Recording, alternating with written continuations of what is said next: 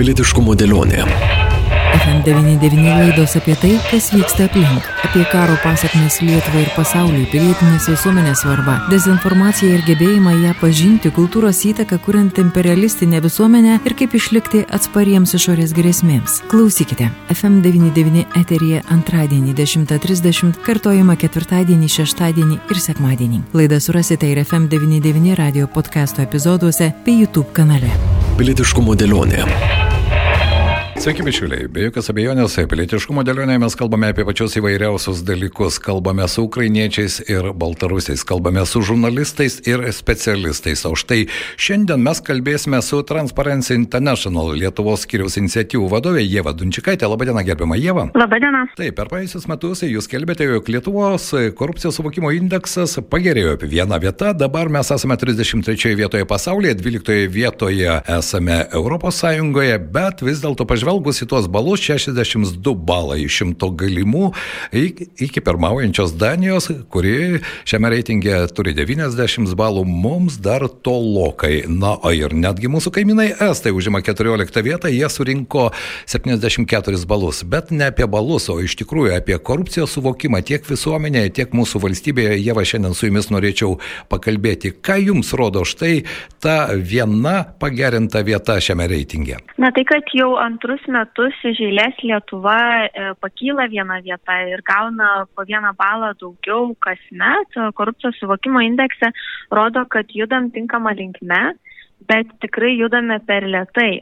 Vyriausybės programoje esame deklaravę, kad po poros metų norime turėti 70 balų korupcijos suvokimo indekse, o tai reiškia, kad kalbame apie 8 balus daugiau. Taip. Jeigu žiūrėtume į pastarąjį dešimtmetį, tai būtent ir yra tie 8 balai, kuriais pakilome. Tai e, žiūrint į perspektyvą yra aišku, kad turime judėti greičiau, kad turime judėti didesniais žingsniais ir turbūt jeigu kalbėtume konkrečiai apie korupcijos apraiškas, tai jeigu su kišininkavimu panašu, kad susitvarkėme, na gal sveikatos sektorius yra dar likęs e, šiek tiek pažeidžiamasnis duomenis kalbant apie kišius, bet daugiausia dėmesio ateinančiais metais turime skirti būtent stambiai korupcijai. Tai reiškia nepotizmui, giminių e, bičiulių protegavimui, skirti daugiau dėmesio viešųjų lėšų skirstimo ir naudojimo skaidrumui, bei be abejo politikos skaidrinimui. Jeva, vis dėlto praėjusiais metais, jeigu taip prisiminti praėjusius metus ir su jumis, ir su jūsų kolegomis esame diskutavę, juk įsigaliojo naujasis korupcijos prevencijos įstatymas, buvo netgi nacionalinė darbo tvarkė korupcijos prevencijos klausimais patvirtinta. Na ir pranešėjų direktyva, kurią taip pat Lietuva bando įgyvendinti ir daugiau duomenų atverimo visuomeniai. Atrodo, tam tikri įstatyminiai įrankiai, jie, jų arsenalas plečiasi. Ir jūsų nuomonė, ar tai irgi gali keisti tą situaciją? Na, aš suprantu, per šios metus mes vienu balu pagerinome savo indeksą. Galbūt štai praėjusiais metais e, ta įstatyminė bazė suteiks daugiau galimybių ir tą 8 balų ribą mes greičiau įveiksime veiksime negu per dešimtmetį? Įstatymai, teisės aktai be abejo labai svarbu. Iš įvairių tyrimų matom, kad jeigu tai yra deklaruota, jeigu yra įsipareigojimas iš valstybės kažką keisti, tai dažniausiai tai tikrai prisideda prie teigiamų pokyčių. Bet aš sakyčiau, kad na, tai nėra sidabrinė kulka, tai nėra tas idealus receptas ir tam, kad įstatymai veiktų, mes turime e, juos įgalinti patys. Tai nepakanka tiesiog deklaruoti, kad na, norime daugiau atvirų duomenų, bet mes turime juos atverti, o atvėrus juos ir naudoti. Tai, pavyzdžiui, jeigu kalbame apie viešai sektorių, kadangi korupcijos suvokimo indeksas daugiausiai ir vertina, kiek e, viešajame sektoriuje sekasi užkirsti kelią korupcijai, Tai tiek pats korupcijos prevencijos įstatymas sako, kad didesnės lyderystės turi imtis patys vadovai, Taip. kad e, viešojo sektoriaus įstaigos turi nusimatyti tikslius, pamatuojamus tiks, e, tikslus ateinantiems metams. Ir galbūt kartais tai neturi būti ištisi dokumentai, ką turėjome iki šiol, bet e, vienas, du tikslai, kuriuos norėtų tam tikrai įstaigai gyveninti per ateinančius metus, galbūt geriau valdyti interesų konfliktus. Galbūt jeigu dirba su viešaisiais pirkimais, turėti didesnį tiekėjų pasirinkimą, nepirkti iš vieno tiekėjo.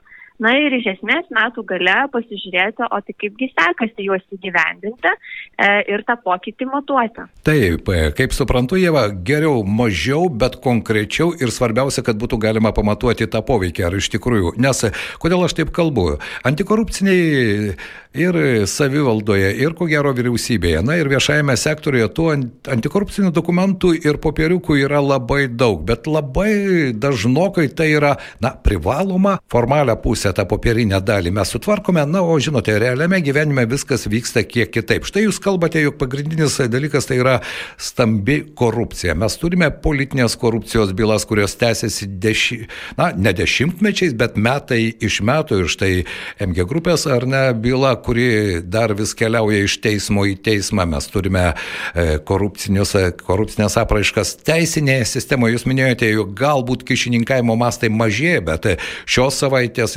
informacija štai šiauliuose kyšiai ir atrodo tos sumos nėra didelės, bet jų tokių pranešimų iš įvairių Lietuvos vietų praktiškai kiekvieną savaitę mes e, išgirstame, kalbant ir apie savivaldą, ir administracijos direktoriai ir taip toliau, kai kur sumos yra labai spūdingos. E, turbūt e, gal čia keli yra dalykai. E, bendrai kalbant apie kišininkavimą, tai sveikatos e, sektorius vis dar išlieka pažeidžiamas sektorius. Tačiau visi tyrimai rodo, kad Lietuvoje kišininkavimo lygis per pastaruosius penkerius metus sumažėjo kartais. Ir iššūkiai, kuriuos turim per ateinančius metus, tai būtent skaidrinti sprendimų prieimimą, užtikrinti, kad esame kaip šalis atsparė geresnė, kad viešojo sektoriaus įstaigos veikia gerai, o tai reiškia, kad na, turime turėti ir geresnį gyventojų traukimą, turime atverti daugiau informacijos, atverti daugiau duomenų e, ir judėti tą linkmę į priekį. Tai jeigu, pavyzdžiui, žiūrėtume į tas šalis, kurios korupcijos suvokimo indekse surinko daugiau balų negu Lietuva uh, ir norėtume lygiuotis būtent į mūsų uh, šiaurėje esančius kaimynus, ar tuos pačius estus, ar danus, tai yra aišku, kad, na, remiantis jų patirtim, turime E, atverti e, informaciją apie viešuosius finansus, turime didinti pasitikėjimo lygį institucijomis, turime mažinti biurokratizmą, skaitmenizuoti procesus ir e, tikrai matom a, tokių planų Lietuvoje, e, pavyzdžiui, su Saulė viešųjų pirkimų sistema, kuri bus a, paremta atvirų, atvirais duomenimis ir kiek man yra žinoma, šių metų pabaigoje turėtų atsirasti. Tai tų žingsnių į priekį tikrai yra daroma, bet be abejo, kad pamatytume tą poveikį, turbūt reikia dar daugiau laiko. O jūs dar minėjote apie e, skandalus, kad nuolatos Taip. girdim, kad vienur ar kitur Lietuvoje e, kažkoks tai nutiko su korupcija susijęs skandalas. Tai e, be abejo, norėtųsi apie antikorupciją ir skaidrumą e, kalbėti nuolatos, e, nuolatos diskutuoti ir rasti sprendimus, ką reikia daryti, kad tokių skandalų būtų kuo mažiau. Bet iš kitos pusės, man rodos, mes girdim ir tendenciją, kad žmonės jaučiasi šiek tiek patogiau ir pranešti apie pastebėtas negerovės. O tai, man rodos, yra svarbu. E, ir jeigu gyventojai žino, kur galima kreiptis dėl galimų kyšių, dėl galimų pastebėtų negerovių, netgi nebūtinai tai turi būti susiję tiesiogiai su korupcijos apraiškomis, e, tai man rodos yra geras ženklas, yra geras ženklas, kad e, na, mes suprantam, kur, kur link norim judėti ir kasgi yra tos atsakingos institucijos ir kas gali kurti tą gerąjį pokytį. Be jokios abejonės, štai ta lyderystė tikrai reikalinga, bet kalbant apie patirtį, ar Estai surinko 74 balus, jie beje užima 14 vietą, todėl kad Suomija yra šalia, kurie yra vieni iš ko gero, na, skaidriausių, jeigu kalbėti apie šį reitingą, jie e, surinko šiame reitinge 87 balus ir galbūt ta patirtis e, jį greičiau pasiekė ir Estijoje yra įgyvendinama, teko jums domėtis e, būtent kodėl Estai, mūsų šiauriniai kaimynai, na, Estijoje yra begalė tokių pavyzdžių, pradedant nuo, pavyzdžiui, internetinio balsavimo rinkimuose, kurie mūsų gerokai lenkia, bet kalbant būtent apie antikorupcinę tą um, įrankių paletę, kuo jiegi mus lenkia? Na, pirmiausia, turbūt e, verta paminėti, kad e, patys estai, e, šiaurės šalių, e, kiti, e, kiti kaimynai, jie tarsi skaidrumą jau deklaravo anksčiau e, ir jie pradėjo apie tai kalbėti anksčiau, jie pradėjo atverinėti duomenis, e, nes jeigu netgi žiūrėtume ir kitus tyrimus, pavyzdžiui, pasaulinį e, duomenų barometrą, tai ta pati Estija, ta pati Danija yra pirmūnės viešindamos viešajam interesui svarbius duomenis. E, ir tai atsispindi ir korupcijos suvokimo indekse. Jos irgi taip pat yra pirmaujančios šalys. Tai reiškia, kad iš esmės tiek gyventojams, tiek verslams, tiek, tiek ekspertams, kurie, pavyzdžiui, irgi išsako savo nuomonę korupcijos suvokimo indekse, iš esmės taisyklės, veikimo taisyklės, kaip e, veikia viešasis sektorius, yra daug aiškesnės. Mhm. E, bet tuo, e, bet tuo pačiu verta paminėti, kad e, na, e, iš korupcijos suvokimo indekso matom, kad tobulų šalių kol kas irgi dar nėra. Aukščiausias balas tai yra 90 balų. Kitos Skandinavijos šalys irgi turi įvairių iššūkių.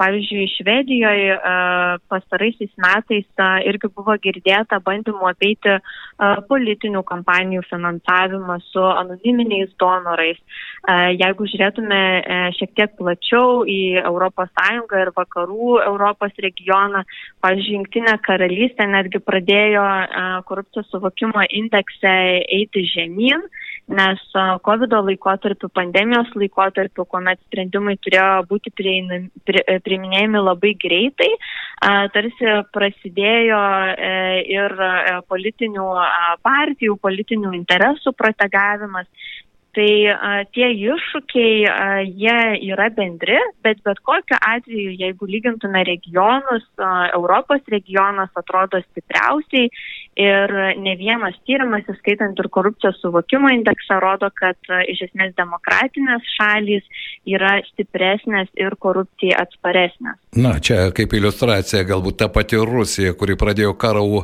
Ukrainoje, 28 balai ir 137 vieta. Žinoma, į mūsų ūkinį kaimyną negalime lygintis. Jie dar vienas klausimas. Jūsų nuomonė, korupcijos suvokimas ir pilietinė visuomenė. Matote tam tikrų sąsajų? Nes man atrodo, kuo pilietiškumo savoka yra kasdieninė, labiau suprantama kiekvienam visuomenės nariui, tuo ir pakantumas korupciniams apraiškoms jis yra didesnis. Ir be jokios abejonės žmonės tada į tą viešą interesą žiūri kiek kitaip, jie supranta, kad tai yra ir jų interesas. O kaip jums atrodo, ar mes galime čia surasti e, sąsajų? E, be abejo, aš manau, kad pilietinė visuomenė gyventojai yra labai svarbi šalies atsparumo dalis jie tarsi yra dar vienas filtras, kuris gali parodyti, pasakyti, kur galbūt kažkas yra daroma ne taip, kažkas daroma e, su tam tikrais iššūkiais ar gal netgi korupcijos apraiškomis. E, mes kaip tik vakar, berots, kolegos paviešino pilietinės galios indeksą, dėja mes matom, kad praeitais metais jisai sumenko. E, ir kiti, e, kiti tyrimai, kitos apžvalgos irgi rodo, kad gyventojai nėra pakankamai traukiami į sprendimų prieimimą. Berots e, prieš metus tik 3 procentai Lietuvos gyventojų sakė, jog dalyvavo sprendimų prieimime Lietuvoje, pavyzdžiui, viešosiuose konsultacijose, darbo grupėse ar tose pačiose dalyvavimo biudžeto iniciatyvose. Tai man rodos, čia žinutė netgi, sakyčiau, svarbesnė yra savivaldai, nes savivalda yra arčiau žmonių ir manau, kad tikrai gali daug efektyviau įtraukti gyventojus ir labai norėtųsi, kad na, tas sprendimų atvirumas a, didėtų. Galbūt netgi politikai einantis į savivaldos rinkimus gali tai išsikelti kaip vieną iš savo tikslų, geriau įtraukti gyventojus, nes a, dabar yra aišku, kad gyventojai na, nesijaučia iki galo įgalinti, o taip. jų a, tiek pilietinis raštingumas, tiek pilietinis įgalinimas taip pat yra labai svarbus. 3 procentai, o kur galima pasakyti dar 97 procentai, žinoma, 100 procentų tai yra toks idealistinis rezultatas, bet vis dėlto skaičius labai mažas - 3 procentai visų šalies gyventojų. Na ir po to galima galbūt koreliuoti su tai, kad žmonės, štai ir artėjant, kaip jūs sakote, savivaldos rinkimams sako, na kodėl aš turiu eiti balsuoti, nes nuo manęs vis tiek nieko nepriklauso ir mano balsas nieko nelemia, na ir po to vienus ar kitus išrinksime, situacija nesikeis. Beje, kol kas e, peržiūrėjau labai taip e, greitai būsimų kandidatų į merus, į savivaldybių tarybas. Na, antikorupciniai momentai ten praktiškai nefiguruoja. E, ir labai gaila, nes man rodos tiek korupcijos suvokimo indeksas parodo, kad, na, ką reiškia korupcija šaliai. Tai iš esmės rodo, kad na, šalis gali būti pažeidžiama. Tai žinant, kokiam kontekste dabar mes veikiame ir jeigu mes norime didinti atsparumą, tai manau, kad turime kalbėti ir apie antikorupciją. Net jeigu ir pasižiūrėtume į Ukrainos pastaruosius e, įvykius, prezidentas jau taip pat išsakė netoleranciją korupcijai, vyko tam tikri ir atleidimai, tam tikri pokyčiai, nes ir jie supranta, supranta, kad karo kontekste, norint užtikrinti, kad e, parama, kuri atkeliauja į Ukrainą, yra pirmiausia panaudojama tikslingais, e, tikslingais tikslais, e, ne kažkur išvaistoma, ne kažkur nueina į privačių asmenų rankas. Yra svarbu užtikrinti skaidrumą, yra svarbu užtikrinti viešųjų lėšų atskaitingumą. Ir, na, tokios šalis kaip mes, mes esam dabar dar daug patogesnėje, e, patogesnėje pozicijoje tai padaryti. Tai aš kažkaip netgi nematau priežasčių, o kodėlgi mes negalėtume sparčiai judėti į priekį. Taip, štai čia dar vienas kontekstas. Užsiminėte apie tą geopolitinę situaciją ir karą Ukrainoje ir tam tikrą visuomenės susitelkimą padedant. Ir daugiau kaip 60 procentų Lietuvos gyventojų jie vienokią ar kitokią formą prie to prisideda ir, man rodos, apklausos tą rodo. Bet kai mes pradedame kalbėti apie savo viešąjį, mūsų bendruomenės, mūsų šalies e, gyvenimą ir tą viešą interesų gynimą, čia kažkaip tų sąsajų aš ir nesurandu iš vienos pusės.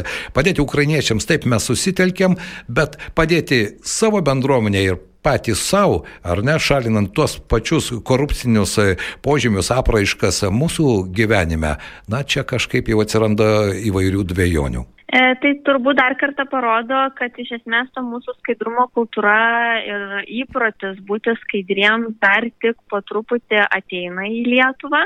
Gal dėl to ir mūsų e, rezultatai tam pačiam korupcijos suvokimo indeksai yra daug prastesni negu Danijoje.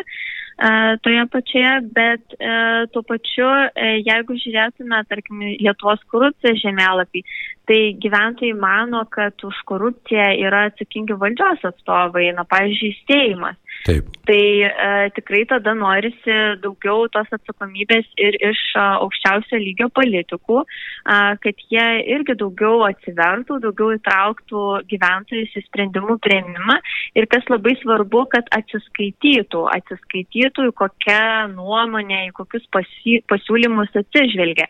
Nes dabar irgi neretai tenka pastebėti, a, kai bendraujam su gyventojais ar vykstam į regionus, kad dalis gyventojų, dalis piliečių stengiasi dalyvauti sprendimų prieimime, bet kažkokio grįžtamojo ryšio negauna ir Taip. iš esmės nėra aišku, tai ar buvo atsižvelgta į jų sprendimą, jeigu nebuvo atsižvelgta, tai kodėl, dėl kokių priežasčių. Na, tokių konkrečių pavyzdžių mes galime surasti praktiškai kiekvienoje savivaldybėje ir pietų Lietuvoje, ir tame pačiame Lietuvos mieste, kai tie patys e, teveliai, pavyzdžiui, bando e, įtikinti miesto valdžią, kad reikalingi mokytojų padėjėjai. Valdžia sako, kad nėra pinigų. Pasirodo, kad pinigų dar yra perteklius 11,5 milijono, kurie keliauja iš vienų metų į kitus.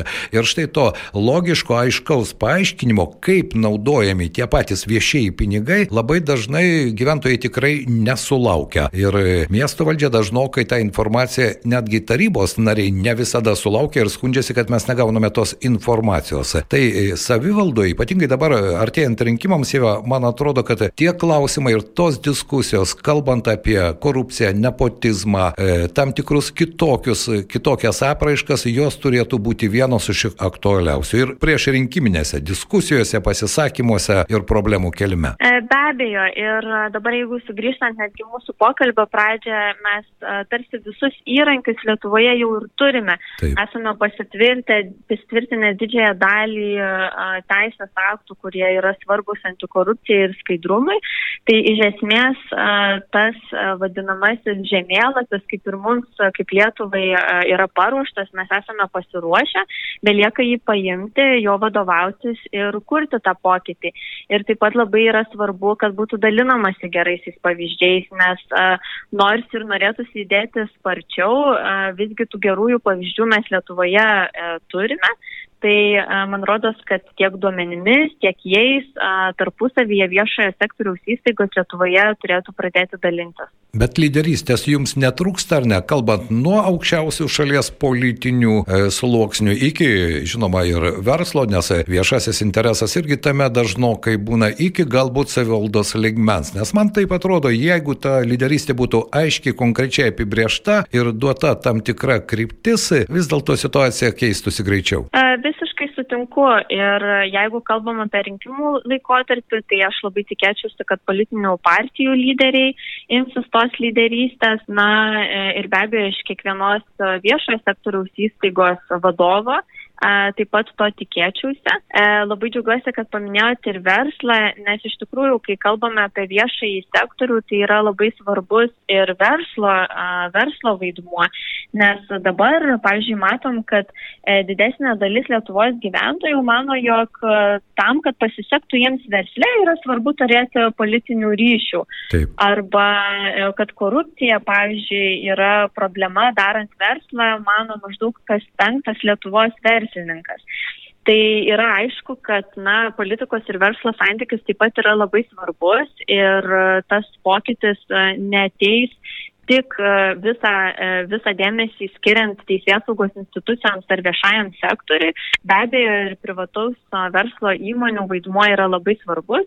Mes per pastaruosius metus matom, kad Lietuvoje e, didžiausi verslai, bent jau pagal mūsų atliekamą vertinimą, veikia vis skaidriau, viešina vis daugiau informacijos apie savo veiklą, tačiau yra begalė dar kitų verslų, mažesnių verslų, iš kurių taip pat norėtųsi irgi išgirsti, kokį vieną antikorupcinį prioritetą jie galėtų išsikelti ateinančiais metais. Jie taip ir lieka toje pilkoje zonoje, ar ne? E, kartais taip atrodo, taip. Taip. Kągi, Jeva, šiandien noriu padėkoti Jums už išsamų pokalbį. Tikėkime, kad iš tikrųjų ir reitingas jie atkreips dėmesio ne tik šalies politinės elitas ir verslo lyderiai, bet ir taip pat ir pati bendruomenė ir visuomenė ir ypatingai šiuo priešrinkiminiu laikotarpiu, kai politikai žada daug, tai štai kalbėti apie tai ir kartu su bendruomenė ieškoti sprendimų, mano nuomonė, yra vienas svarbiausių klausimų. Noriu Jums pasakyti ačiū. Mūsų pašnekovė buvo Transparency International Lietuvos skyriaus iniciatyvų vadovė Jeva Dunčikaitė, ją kalbino Liudas Ramanauskas. Ačiū Jums, iki. Pilietiškumo dėlionė.